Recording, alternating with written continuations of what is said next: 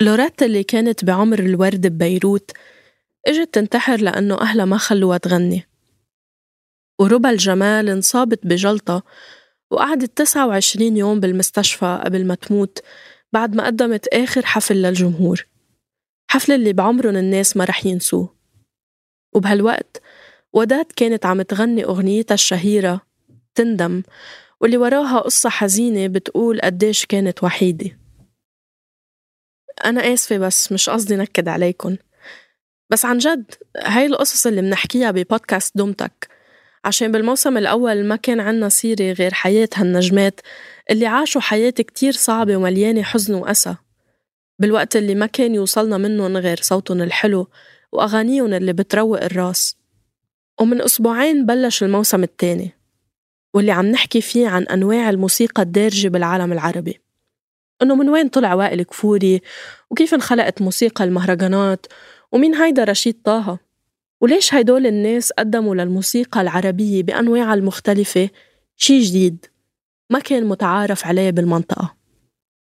باختصار هالبودكاست بيحكي عن الموسيقى وتحديدا الموسيقى العربية.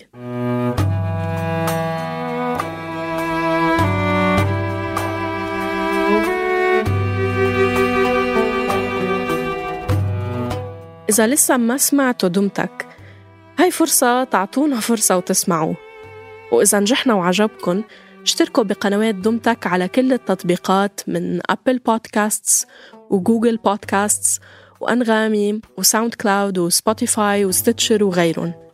وانتظرونا بحلقة جديدة كل خميس.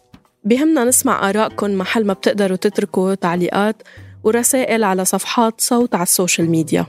ورح نترككن هلأ مع المقطع التشويقي من الموسم الثاني. أنا رنا داوود وهيدا بودكاست دم تك إجاكم صندوق الفرجة عنده أخبار وأشياء فرجة كيف صندوق الفرجة خلينا نشوف كليب بوس الواوا. وشو وصل حمو بيكا لنيويورك تايمز؟ زي زمان نفسي أشوف واحد سلكان. الكلام على جرح غويط الحكاية خلف الجدران شو جاب رشيد طه لجريندايزر؟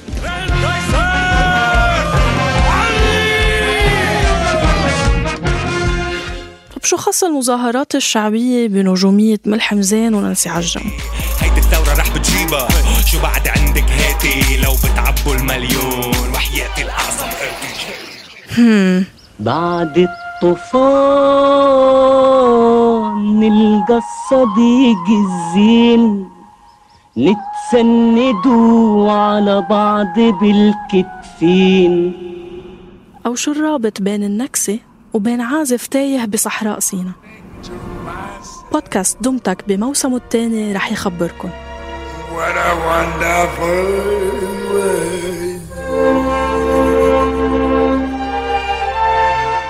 رح ناخدكم برحلة صوتية نمر من خلالها على نشأة الموسيقى الدارجة بكل ألوانها بالعالم العربي. ورح نتعرف على فنانين شكلوا ثقافة جيلنا الموسيقية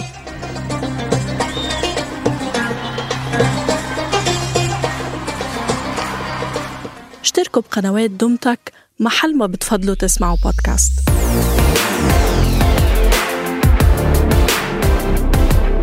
انتظرونا بحلقة جديدة كل أسبوع dum dum dum dum dum